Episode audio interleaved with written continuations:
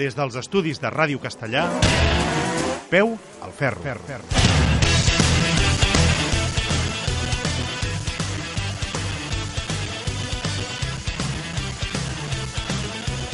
Benvinguts una setmana més a Peu al Ferro, al magazín de motor en català. Després d'una setmana de descans motivada per aquest macropont, tornem amb la força de sempre per avançar-vos totes les notícies del món del motorsport, on si bé ja gairebé no queden competicions, les notícies no deixen de brullar de cara a la propera temporada.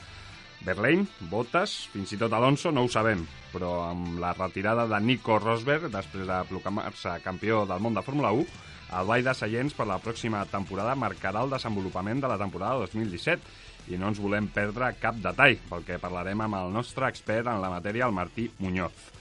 Tampoc deixarem de banda l'última cita del català d'Enduro, amb la prova disputada a Pons aquest diumenge, i també parlarem amb el nostre amic Antonio Maeso, que ha anunciat les, eh, les road races a les que vol mm, competir aquesta propera temporada. De tot això i molt més en parlarem durant els propers minuts plens d'octants. Abans presentem els components del nostre programa.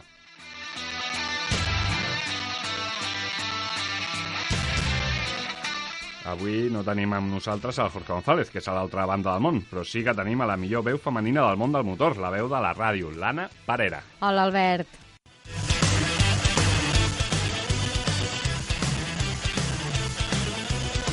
I, com sempre, al darrere del vidre, en el control de la tècnica castellà, tenim el Kaiser Salva Soler i a Ràdio Sambi, a Il Dottore, Andreu Barris.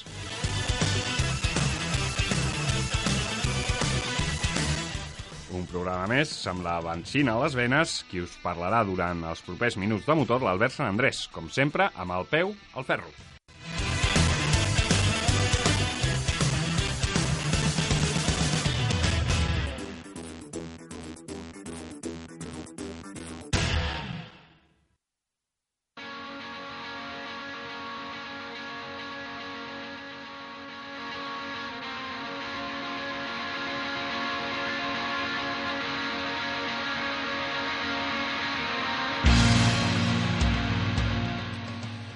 Comencem el programa amb un petit debat que és de justícia, ja que ho hem fet amb una, eh, ho farem amb una petita tertúlia sobre la, aquesta temporada de la Fórmula 1 i de, del que ens ve.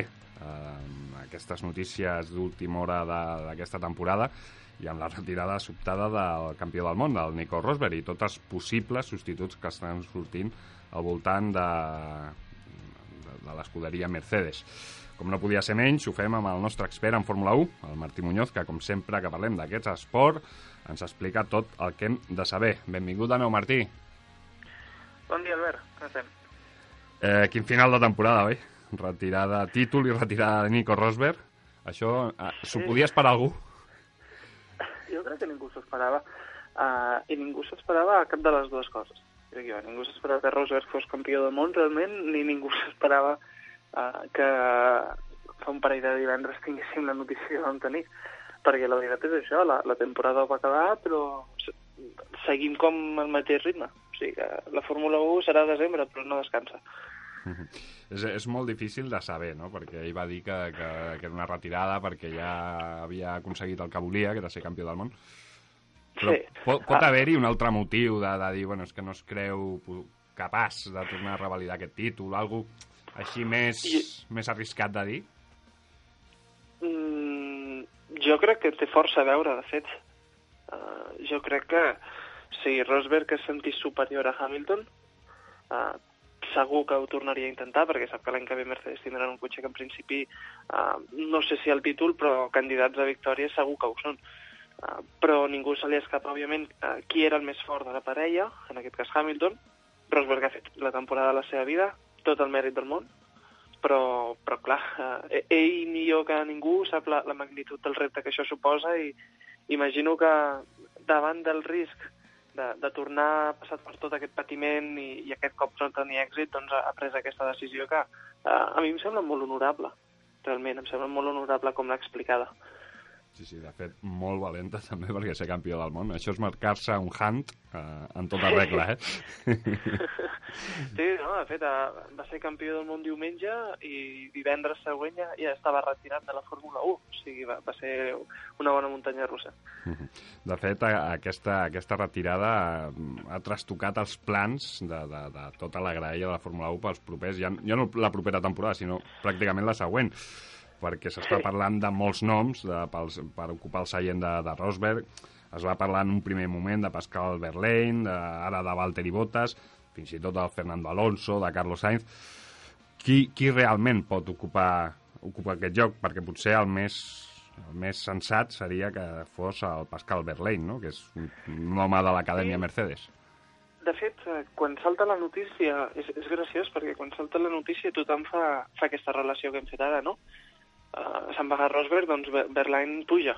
Uh, tothom ho, ho veiem tots com una, una conseqüència feta.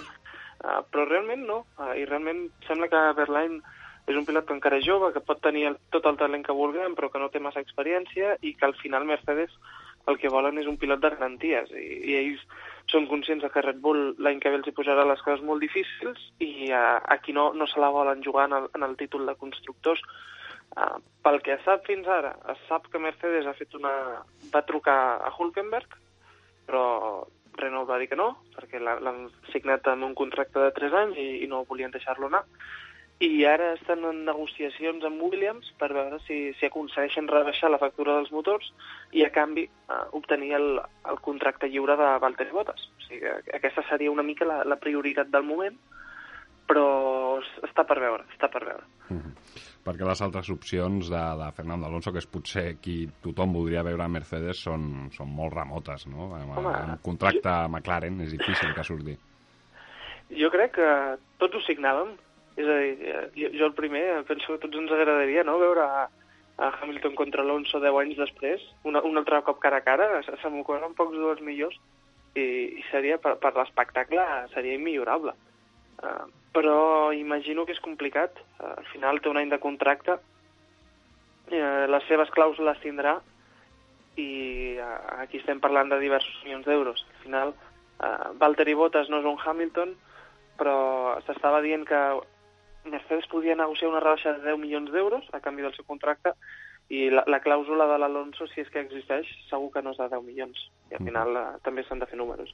Sí, perquè no seria un, un cop, si el Pascal, un cop per l'acadèmia de, de Mercedes, si el Pascal Verlaine no fos l'escollit, no seria com un pas enrere sí. per dir per dir-ho uh, manera? Jo, sí, jo crec que sí, sobretot perquè el que s'ha demostrat aquests últims anys en la Fórmula 1 és, sobretot en Verstappen, és que eh, la progressió dels pilots eh, a vegades és més ràpida del que sembla, no? Verstappen, eh, quan Red Bull el puja al primer equip, eh, penso que ningú dubta que farà un bon treball. I, i després ha estat fent una gran temporada. Uh, Berline, uh, jo penso que es, diu molt. Diu molt que no, no l'estiguin considerant i que estiguin trucant a diversos equips uh, per buscar-li un substitut. Uh, en principi el contracte del Hamilton dura fins 2018, Llavors, eh, tècnicament, Berlín llavors eh, tindrà què, 24 anys, o sigui, segueix sent un pilot amb, amb un grandíssim futur, però, però si estiguessin convençuts del tot, eh, l'haurien signat ja abans. O sigui que és indicatiu. Mm -hmm. Perquè a hores d'ara, amb tot això que escoltem, de que si el Paddy Lowe, que se'n va a Williams, sí. tot, tot això, quins són els rumors que, que, més, que més seriosament ens hem d'aprendre? Perquè s'escolten tantes coses i es llegeixen tantes coses que potser és difícil ja saber el que és veritat i el que no. Sí, és un moment una mica delicat.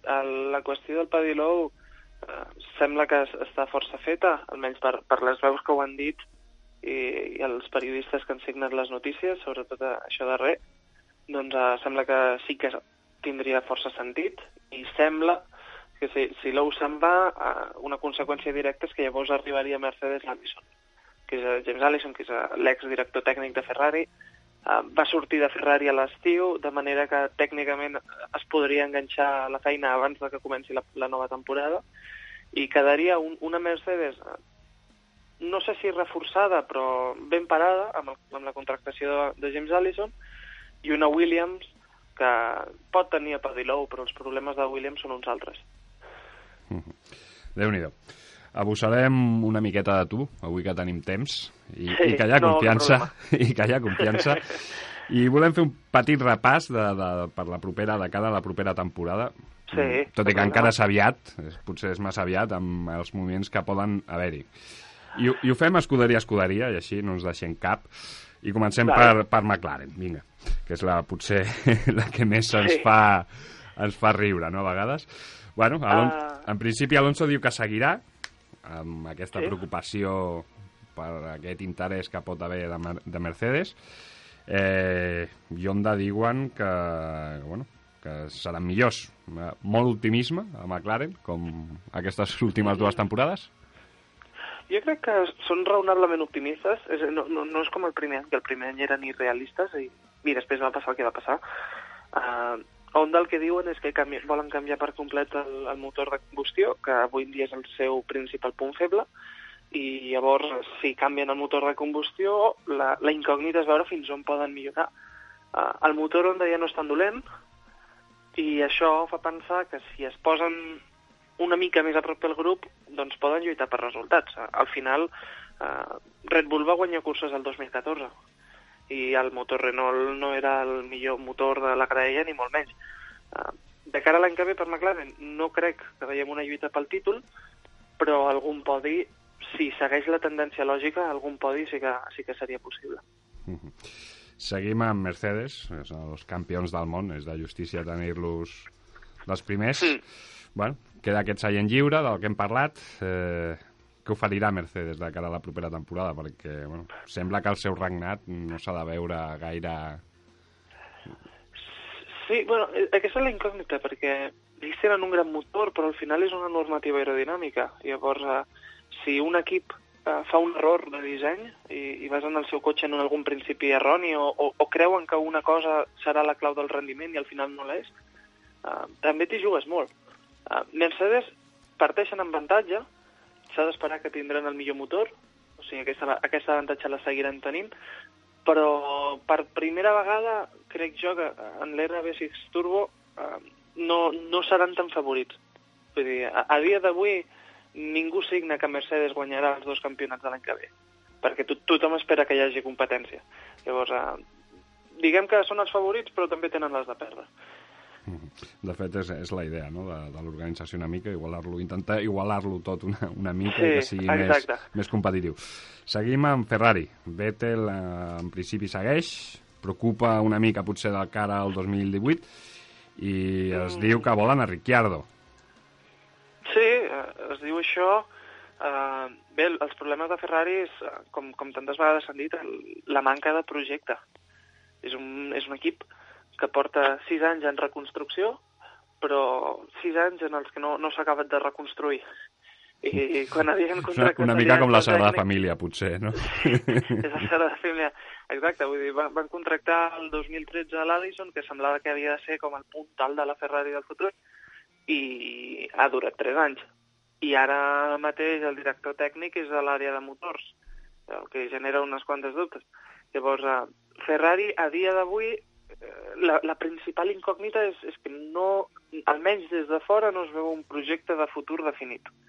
I aquesta manca de rumb eh, doncs, eh, pot jugar en contra, perquè juguen contra equips que estan molt ben organitzats. Passem a Red Bull. Mm, Sembla que Milton Keynes no tenen gaire preocupació perquè no tenen Mhm. gaire por de perdre a Verstappen. Potser el Ricciardo, bueno, el podrien deixar anar si Ferrari arriba amb una bona oferta. Eh, Sí. Quin futur se li presenta a Red Bull? Uh, doncs jo penso que si abans dèiem que Mercedes pot tenir competència l'any que ve, uh, aquesta és Red Bull. Uh, mm, és sabut que Red Bull és un, és un dels equips que més ha influït en la nova normativa. És sabut que Red Bull és un equip que se li dona molt bé tot el, tot el que és aerodinàmica, que és un equip que amb motors dolents ha guanyat campionats, i en aquest sentit, uh, els precedents històrics el situaria de tu a tu Mercedes. No crec... Si Red Bull fa un producte de la qualitat que, que han fet aquesta última dècada, uh, no crec que es pugui descartar que l'any que ve tornem a veure una Red Bull campiona del món. I de la resta, que ja són els que juguen potser hem ficat aquí el grup a McLaren, que, Sí, que no estaria, però bueno, per, per història i per, per justícia no? potser havia d'estar. De la resta dels que queden, Force India, Williams, Toro Rosso, Haas, Renault, Sauber, Manor, no sé si em deixo cap, quin creus que podia donar, un, no un pas endavant potser per, per, per guanyar curses, sinó per fer algun podi, donar alguna sorpresa? Qui, qui creus que podria ser aquesta escuderia? Mm, és una bona pregunta. Uh, la lògica diria que en aquest grup de la mitja graella l'equip que hauria d'estar per sobre és McLaren. És a dir, McLaren l'any que ve, tot el que no sigui ser quart en el campió de constructors és un fracàs. Uh, i, I això sent generosos, perquè és, uh, aquesta línia ascendent, si ha de tenir continuïtat, és per convertir-se en el quart equip, just, just per darrere de Ferrari, Red Bull i Mercedes. Uh, I els seus rivals teòrics, es podria parlar de Williams, però Williams és una mica com un... Com es diu això? Com una gallina sense cap, saps? Que, uh -huh. que corre sense un rum i, i sempre s'acaba caient al final. Doncs això és l'equip Williams últimament.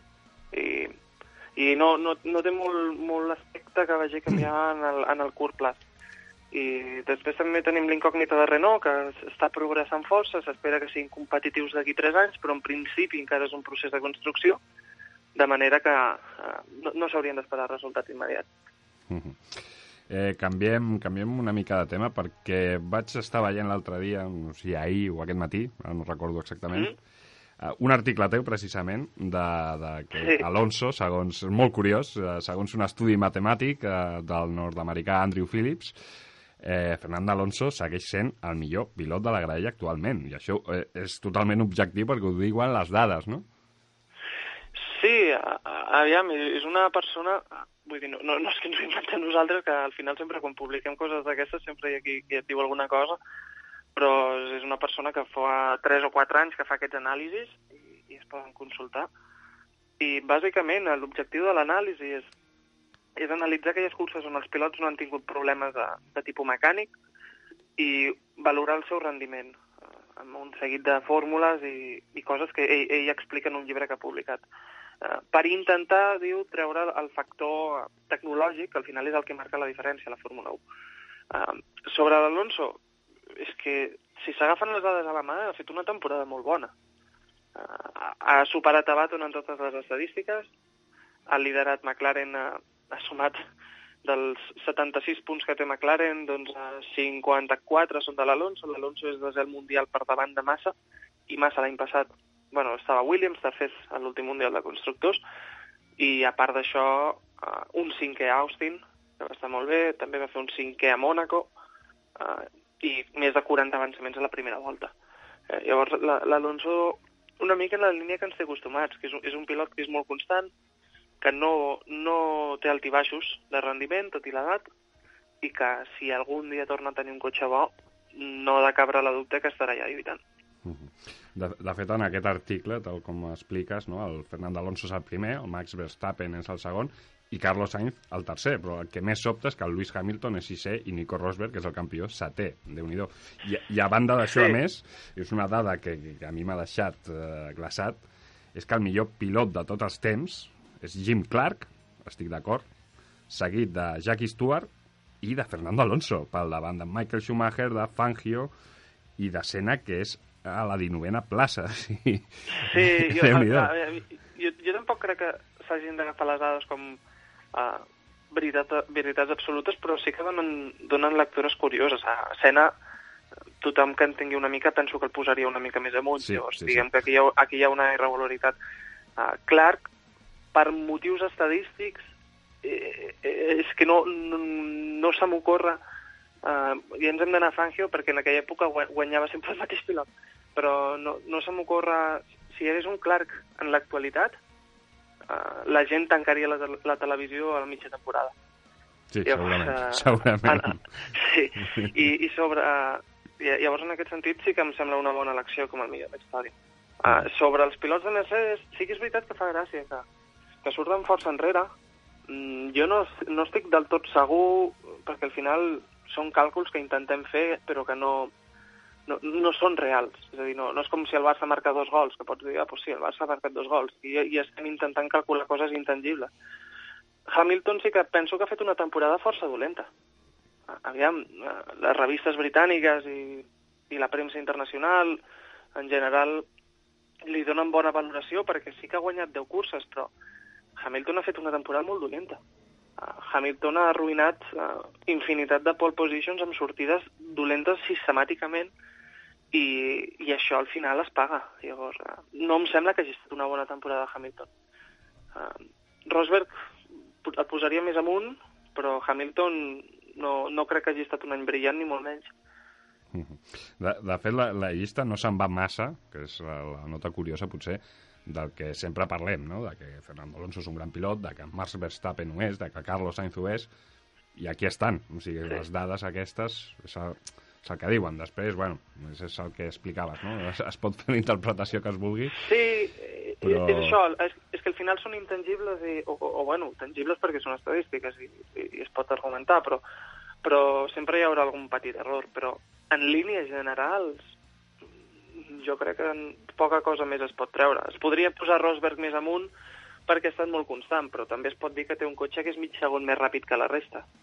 I si Alonso o Vettel tinguessin un cotxe mig segon més ràpid que la resta, segur que estarien guanyant totes les curses. Sí, segur, de ben segur.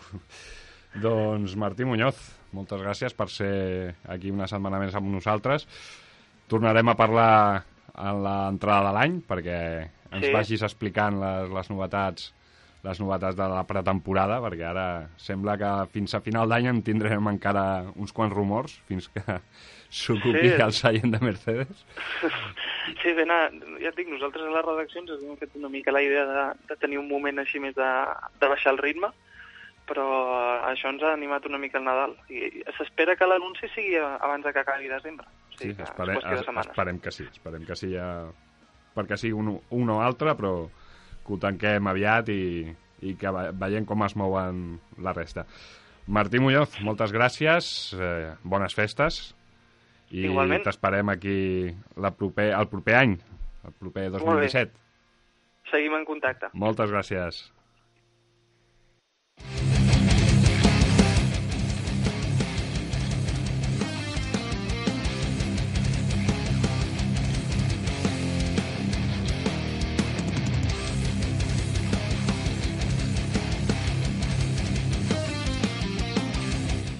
I no deixem els circuits i anem a parlar del campionat alemany de turisme, ja que eh, s'ha sabut eh, que el pilot de Lloret de Mar, el Miquel Molina, no continuarà a l'equip Audi del DTM. El primer pilot català capaç de guanyar una carrera al DTM alemany, Miquel, Mo Miquel Molina, no formarà part de l'equip Audi la pròxima temporada, segons ha anunciat el fabricant alemany. Set anys després del debut, Molina deixarà de formar part de l'estructura d'Audi. El de Lloret ha aconseguit, en aquests temps, un total de 3 victòries i 4 podis, millorant any a any fins a arribar a un 2016 en el qual ha pujat en dues ocasions al més alt del podi, en les curses de Lausit Ring i Hockenheim.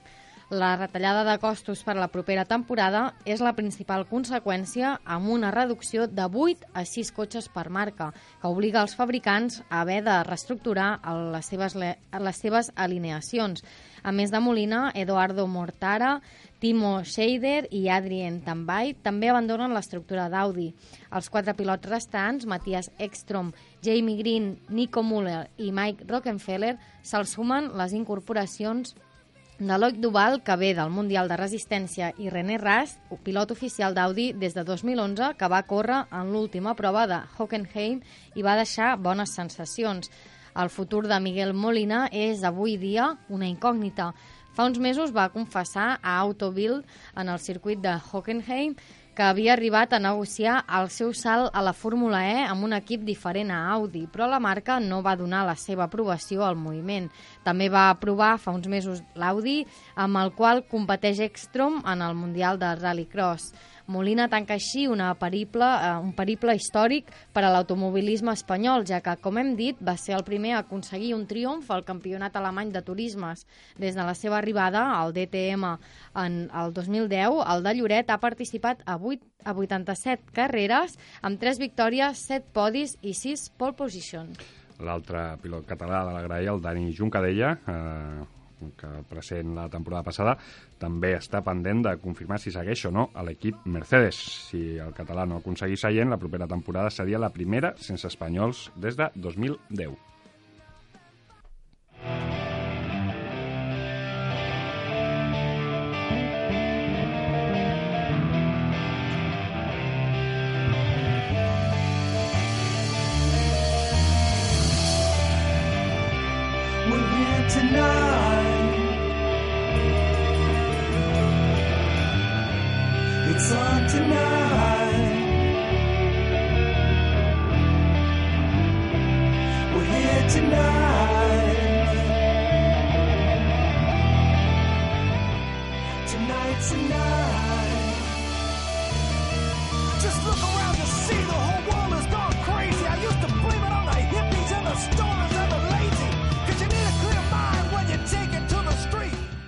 I deixem les quatre rodes i parlem ara de motociclisme i ho fem amb l'enduro del Segre, que aquest cap de setmana va disputar-se a Pons, l'última prova del Campionat de Catalunya d'enduro, l'enduro del Segre al circuit del Busquet, on, del, el Busquet, sí, ho he dit bé, on els germans Marc i Àlex Márquez van ser els protagonistes d'aquesta prova.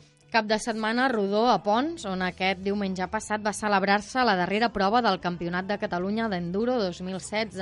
L'últim enduro de la temporada tenia diversos focus d'atenció, com ara la participació dels germans Márquez, eh, Aleix i Marc, i la resolució de pràcticament totes les categories del Campionat de Catalunya d'Enduro. Malgrat que el dia es llevava amb boira, els més de 130 pilots participants van poder iniciar sense problemes l'enduro, el qual s'iniciava puntualment des del circuit al Busquet, lloc on havia quedat instal·lat el parc tancat. La presència dels germans Márquez es notava, i és que poques vegades un enduro del català havia aixecat tanta expectació. La cursa va comptar amb nombrosos mitja- mitjans de comunicació i un públic que vibrava de valent. El campió del món de MotoGP, Marc Márquez, i el seu germà Àlex van ser els grans protagonistes de la prova celebrada pel Motoclub Segre. Quan la posició final és el que menys importa i la, i la diversió la principal obligació, els Márquez tornaven a competir amb el seu club d'infància, recuperant sensacions en una disciplina molt divertida. Tots dos van acabar la prova i el Marc ho va fer en vintena posició en la global i eh, desè en la categoria elit. Eh, L'Àlex ho feia en trentena posició de la general i onzè en l'elit. El guanyador absolut va ser Oriol Mena, campió del món en la categoria júnior al 2009 i guanyador del Junior Trophy als sis dies internacionals d'enduro. Al podi el van acompanyar Bernat Cortés i Ramon Quer, qui amb el seu tercer lloc va lligar la corona del certamen. Els problemes pel gran dels Márquez van començar aviat, ja que era pen- penalitzat entrant al primer control de la prova, perdent totes les opcions de poder guanyar la prova, tot i que malgrat aquesta penalització, el 93 va completar una gran prova, tot i els ensurts que va patir. El seu germà també va destacar per la duresa de l'especialitat, on de ben segur tornen a repetir. Déu-n'hi-do, els germans Márquez, que estan, estan a tot arreu i ara fins i tot a l'enduro. Thank you.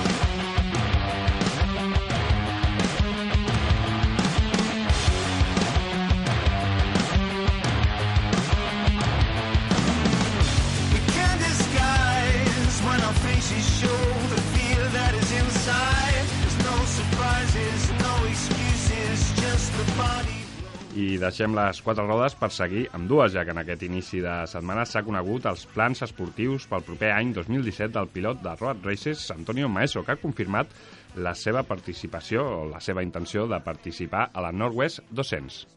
El 2 de juny de 2013, Antonio Maeso volava a l'illa de Man a 300 km per hora juntament amb la il·lusió de centenars d'entusiastes al motociclisme presents al carenat de la seva moto. Un instant, uns centímetres i tot es va parar de cop.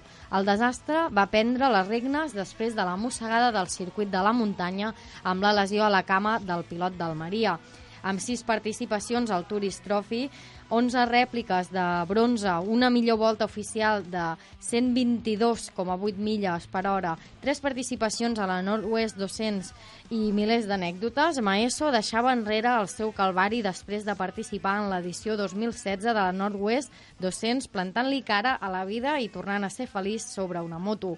Una història de superació que vol continuar aquest 2017 amb un nou programa de captació de patrocini, amb una plataforma de crowdfunding amb la qual poder competir a la Northwest 200 que es celebrarà del 7 al 13 de maig amb la seva Super Twin preparada per ell mateix per la categoria Lightweight.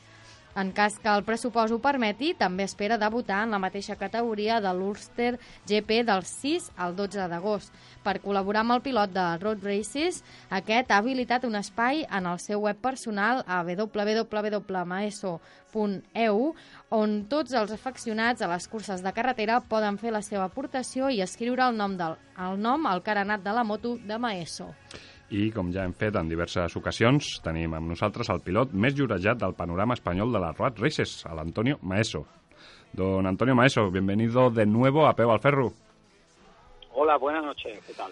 Siempre, siempre que vemos este tipo de iniciativas nos gusta hablar de ellas. Y si encima quien las lleva a cabo es Antonio Maeso y es para correr en Road Races, esto no lo podemos dejar pasar. Muchísimas gracias, la verdad es que se agradece el apoyo que, que, que me dais y que dais a tantos otros. ¿Cómo, cómo surge? ¿Cómo surge esta nueva idea? Una idea que, que ya es recurrente, de hecho, porque esto ya, ya lo hiciste en año anterior, en años anteriores, sobre Sí. todo el tema de la bandera y los nombres, una iniciativa que también Víctor López pasó a hacer eh, este, este año. Eh, ¿Cómo vuelve esta idea de, de volver después de haberlo hecho en la Northwest de este año? Bueno, la verdad es que mm, es un pasito más después de, como dice, haber vuelto el año pasado, bueno, este año todavía, 2016, eh, en la Northwest y, y haber sido capaz de, pues, de, de cerrar ese, esa etapa bastante negra y de sufrimiento estos tres años de recuperación. Y, y como digo, pues un pasito más dentro de, de lo comedido que, que, que digamos que, que con, lo que afronto este nuevo proceso después de la caída, porque ahora corro, compito solo una sola, en una sola categoría y, bueno, pues me lo tomo de otra, de otra manera, en el sentido de que intento focalizar mucho más y centrarme mucho más los recursos y mi, mis medios y mi tiempo en menos carreras y lógicamente en menos categorías, de hecho solo hago una, y de esa manera pues espero disfrutar más y, y bueno, no ir un poco tan estresado y al límite como, como ya me, me veía en los últimos años, pues intentando competir en todas las categorías, pues sin, sin, sin tener realmente presupuesto ni, ni sponsor que, que, que pudiesen dar sentido a todo ese esfuerzo. Y además, esta participación la haces con una moto hecha por ti, lo cual mm, también tiene más mérito. Bueno, eh, la verdad es que es parte del desafío. Eh, de siempre me ha gustado la, la parte de la ingeniería, la parte de la fabricación, del diseño, de la preparación. Y como a lo largo de los años no he tenido más remedio que hacerme mecánico, de lo cual ahora pues eh, me alegro porque he disfrutado y me ha, me ha dado una enseñanza que, que creo que es muy interesante y muy bonita. Pero como digo, bueno, pues es otra parte que puedo disfrutar, ¿no? Intentar hacer una moto que, que si diera con la tecla y fuera capaz de conseguir el objetivo que quiero, que es estar entre los 10 primeros en la Norway 200 este año, pues bueno, pues sería un éxito, con una moto, como dices, pues hecha de arriba abajo en mi garaje, aquí en el sur de España, eh, alejado de, del- un poco de- del mundo y, y con los pocos medios que, que, y herramientas que tengo aquí en mi garaje y poco más, ¿no? Entonces, pues sería una satisfacción interesante y es un punto más que me motiva a, a, bueno a darlo todo en este proyecto y ver qué tal qué tal funciona. Vuelves a la carga, con, como comentábamos antes, con una iniciativa de mecenazgo, como la que ya habías llevado a cabo para correr en la Isla de Man. Explícale un poco a nuestros oyentes mm, de- en qué consiste. Por si, Bueno, hay, por si hay algún que- despistado, ¿eh? Por- porque creo que ya lo hemos comentado Sí. alguna vez. Sí, no, el, la actividad de crowdfunding, pues bueno, pues eh, empezó en mi caso en 2012 de casualidad porque eh, en 2011 me había quedado sin moto por no tener ningún tipo de sponsor y, y a través de amigos, a través de Facebook, pues me dijeron, oye, si no sale ningún sponsor empezamos a hacer aquí una colecta y sacamos para adelante algo como sea. Y la verdad es que nunca me había pensado en, en, hacerlo de esta manera, esta iniciativa, pero lo puse en marcha en 2012 y la, la respuesta fue muy buena. y siempre digo que no tanto fue en el, aspecto económico, porque con aportaciones pequeñas es muy difícil llegar a, a, bueno a cubrir ni siquiera una parte del presupuesto que hace falta para correr pero sí que fue muy interesante desde el aspecto de, de, desde el punto de vista humano porque acercó a mucha gente a mi proyecto gente que se involucró y de, de manera pasional y bueno y, y, y, buscaron darle la máxima difusión y, eso pues me hizo a lo mejor conseguir otros pequeños patrocinadores esto ya sí de, de, empresas que querían promocionar su publicidad y, y bueno, y, fue muy bonito, ¿no? Contactar con tanta gente y desde entonces, pues lo volví a repetir en 2013, en, en el año que ya tuve el accidente, y, este año pasado cuando he vuelto a las carreras, ¿no? Y, y ya digo, el, eh, para mí,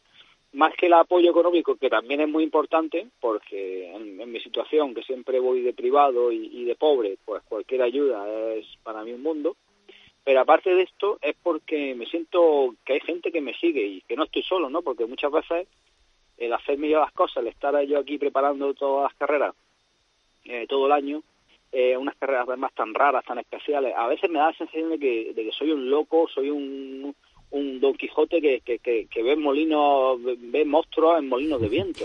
Bendita locura, y, por eso. No sé.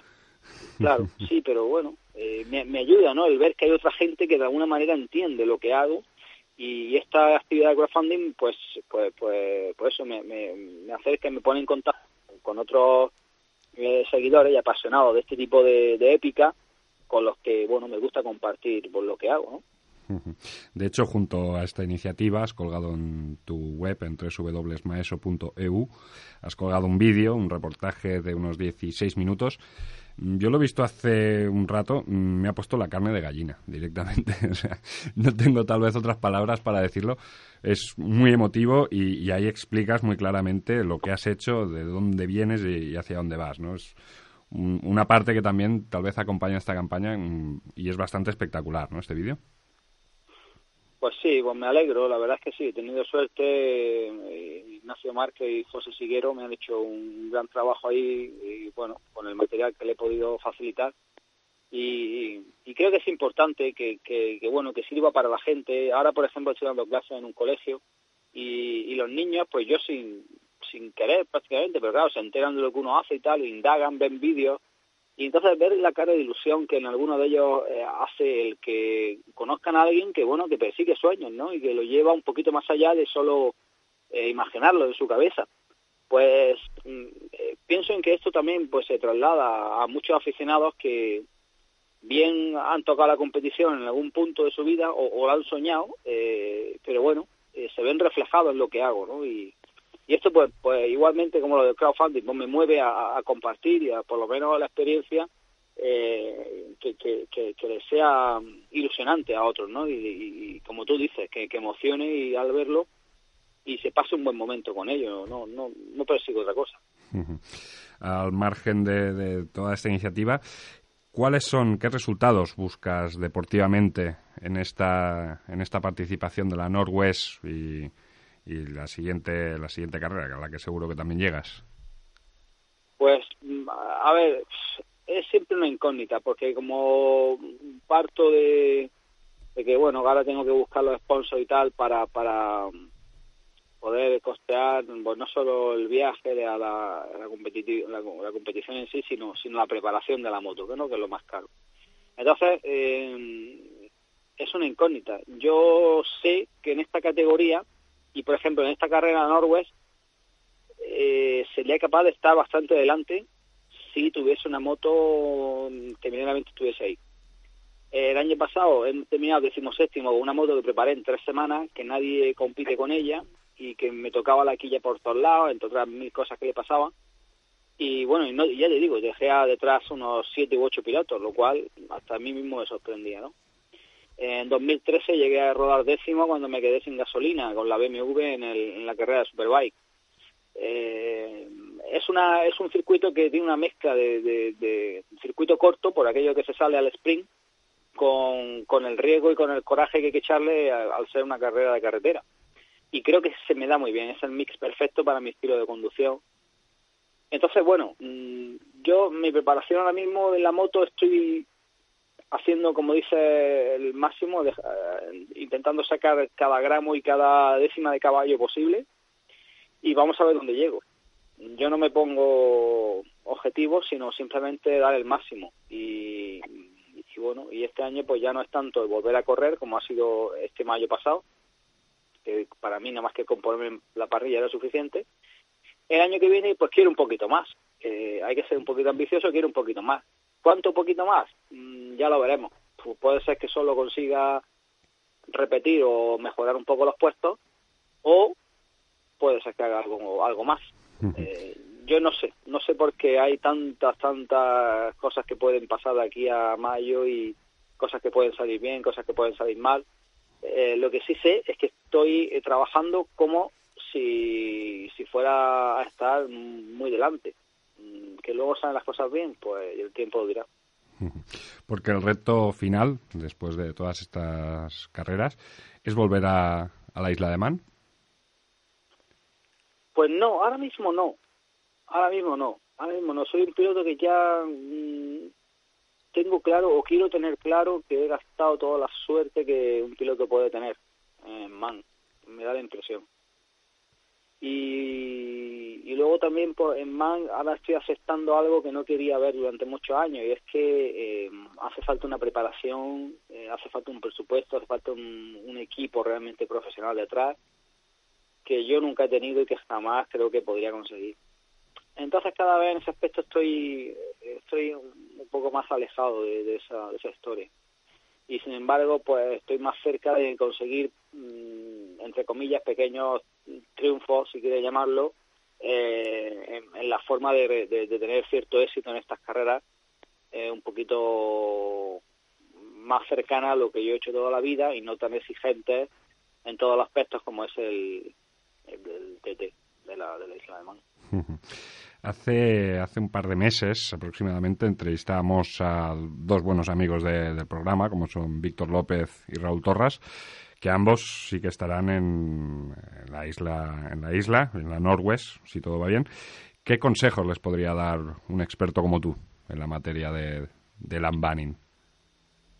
Pues bueno, consejos cada vez menos porque ya tienen experiencia ambos en, la isla de Man y, y bueno, pues empiezan a, a rápidamente a conocer tanto como pueda yo. Pero, pero bueno, pues si, si tuviese que darle alguno es que, que, que sigan un poco la intuición que en algunos momentos les puede mantener vivos, es decir, te pueden ir las cosas bien, pueden mejorar o te pueden ir mal y puedes intentar arreglarlo en, de una manera que no es la correcta y, tener un error, ¿no? Porque intenten seguir la intuición de que les permita mantenerse vivos y, y no sé, a mí por lo menos me ha funcionado hasta cierto punto, aunque he estado muy cerca de, de, que no funcionara, pero poco más, porque ya en aspectos más técnicos, organizativos, de circuito, pues Víctor ha hecho el Manx y ya además había estado conmigo también en la isla y, y ya empezaba a conocer un poco desde fuera el func- funcionamiento. Y Raúl también ha estado y lo ha hecho muy bien y ha aprendido muy rápido el circuito así que yo creo que bueno en ese aspecto ya poco les puedo aportar y, y nada simplemente desearles toda la suerte que, que haya y más para que un español pues lo haga lo mejor posible allí Esperemos, esperemos que así sea, mm, con Raúl en, en el Tourist Trophy y con Víctor otra vez repitiendo en el Manx. Esta, esta semana ha saltado una noticia que nos ha sorprendido a muchos, ¿no? que es que Benjamín Grau, el rey de Montjuic, quiere correr en la isla de Man, quiere correr el Classic TT y han aparecido opiniones de, de todo tipo. ¿no? Mm, ¿Cómo lo ves? Un piloto de su trayectoria, un piloto que ya lo ha hecho todo, que no ha dejado nunca de correr, por otra parte, que siempre, siempre ha estado en un sitio o en otro. ¿Cómo, cómo lo ves que vaya, que vaya al- a la isla de Man? Pues a ver, yo coincidí con, con, con Grau en, en hace poco en Galicia, en un, en un evento en Villalba, y yo no, hasta, hasta entonces no lo había conocido y bueno, eh, me pareció eh, muy interesante hacerlo porque conozco todo lo que había hecho en su carrera deportiva, mi padre lo explicó y es uno de los grandes de España ¿no? en este en el aspecto de motor. Eh, no sé exactamente, porque allí hablaron de una idea de, ir a, no sé si era competir o, o más bien hacer la, vuelta esta de exhibición que se hace para pilotos, eh, en fin, de otra época y demás. Entonces no sé exactamente cómo lo quieren enfocar. De cualquier manera, mm, lo aplaudiría, o sea, me parecería genial, tanto si es de ámbito en el, ámbito competitivo o, o simplemente un poco en el, en el lúdico. Y, y nada, o sea, si fuera en el competitivo, pues la verdad es que mm, eh, incluso en el Classic TT se rueda muy rápido y es otro mundo aquello mm, comparado a lo que él conoce de aquí, pero por otro lado, mm, una persona con ese bagaje, con ese nombre, con lo que ha hecho, eh, creo que puede afrontar todo a pesar de la edad que tenga. Así que nada, yo simplemente lo, lo, lo aplaudo y, que me gustaría estar allí a pie de, valla para poder ver, verlo en directo, o sea lo que lo que fuere. Esperamos, esperamos poderlo ver. Esperamos poderlo ver porque un mito como Mingrau siempre, siempre es un placer verlo de nuevo encima de una moto. Antonio Maeso, muchas gracias una vez más por estar aquí con nosotros. Esperemos que, te salga muy bien esta iniciativa, que podamos volver a hablar contigo para que estés en, en el, la Northwest 200 y en el Ulster GP y poder aquí celebrar una victoria. Una victoria o como mínimo un podio. No te, lo- no te vamos a presionar tanto. Pues ojalá, encantado siempre hablar con vosotros y, y nada, por lo que podéis estar seguros es que mi, mi pasión y hasta la última gota de mi sudor pondré en toda esta en todas estas aventuras que, que son lo que me, me mueve en la vida. Pues muchas gracias, Antonio. Un placer, hasta luego.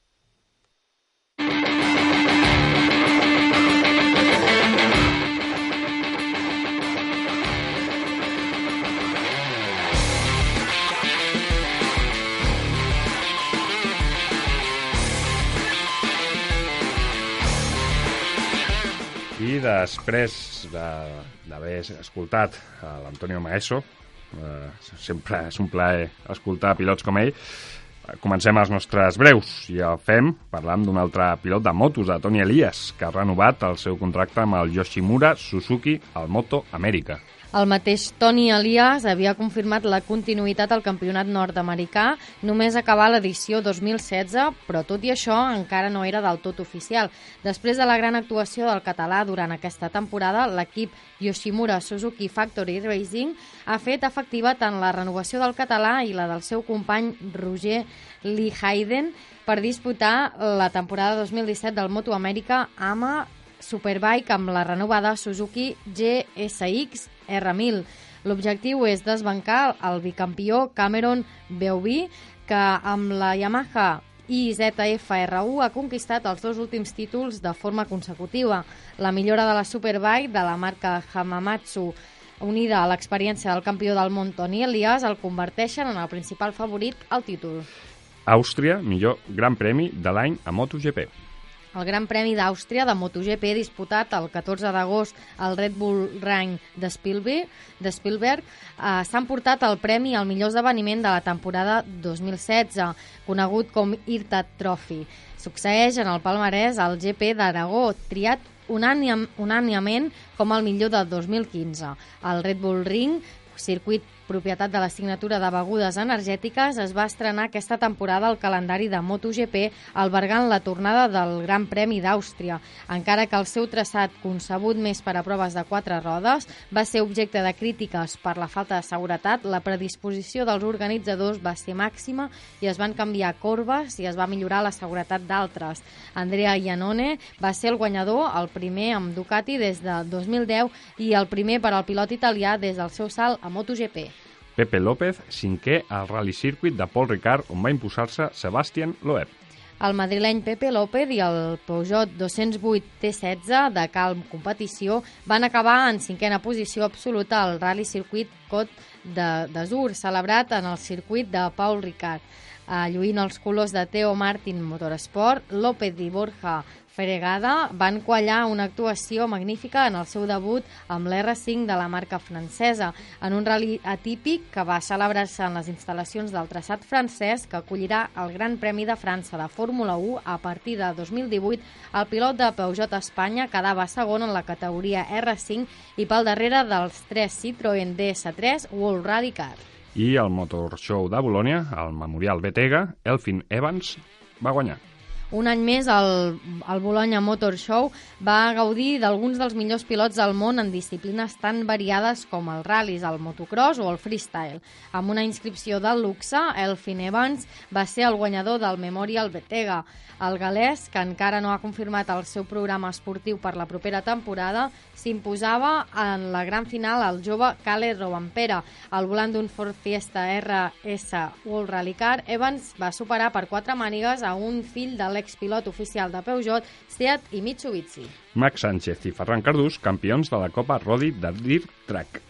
Ferran Cardús en la categoria Open i Max Sánchez en la Júnior són els nous guanyadors de la Copa Rodi Michelin de Dirt Track 2016, després de la cancel·lació de l'última prova puntuable que havia de celebrar-se en el circuit d'Albi de l'Albi el 8 de desembre.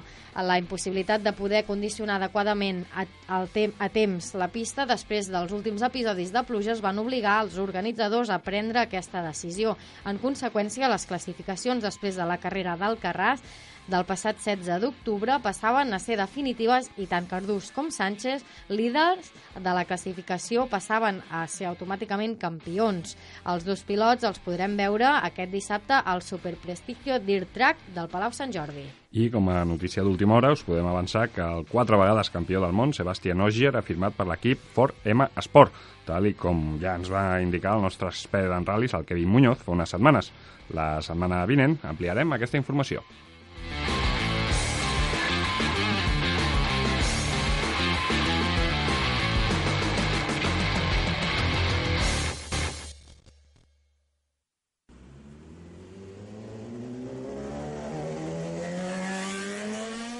molt ràpidament acabem amb la nostra agenda setmanal, una agenda on predomina una cita, la del superprestigio Dirt Track al Palau Sant Jordi de Barcelona, on veurem el campió del món, Marc Márquez, enfrontant-se als millors pilots del moment de l'especialitat. Al Vallès Oriental, les 3 hores de resistència de terra dels cingles a Riells del Fai. Faran les delícies de grans i petits en una prova amb quatre categories. I, per acabar, el trial de Massa al Coreig a Lleida serà l'altra de la cita de les dues rodes a Catalunya per aquest cap de setmana.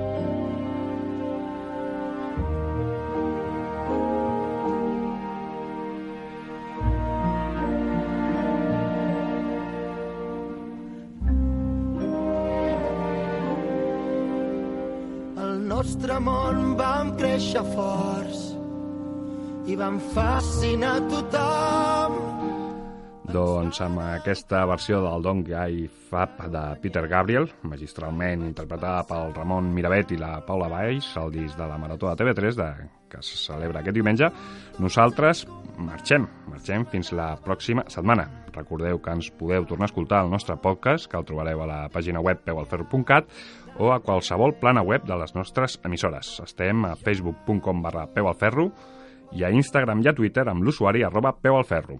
A la locució tenim a l'Anna Parera, al control de la tècnica, el Salva Soler i l'Andreu Barris, i a la producció i conducció qui us parla, l'Albert Sant Andrés. Tornem la propera setmana. Bona sort i peu al ferro. Adeu! Per cada feina, massa gent, massa gent que ningú vol. No et rendeixis, saps que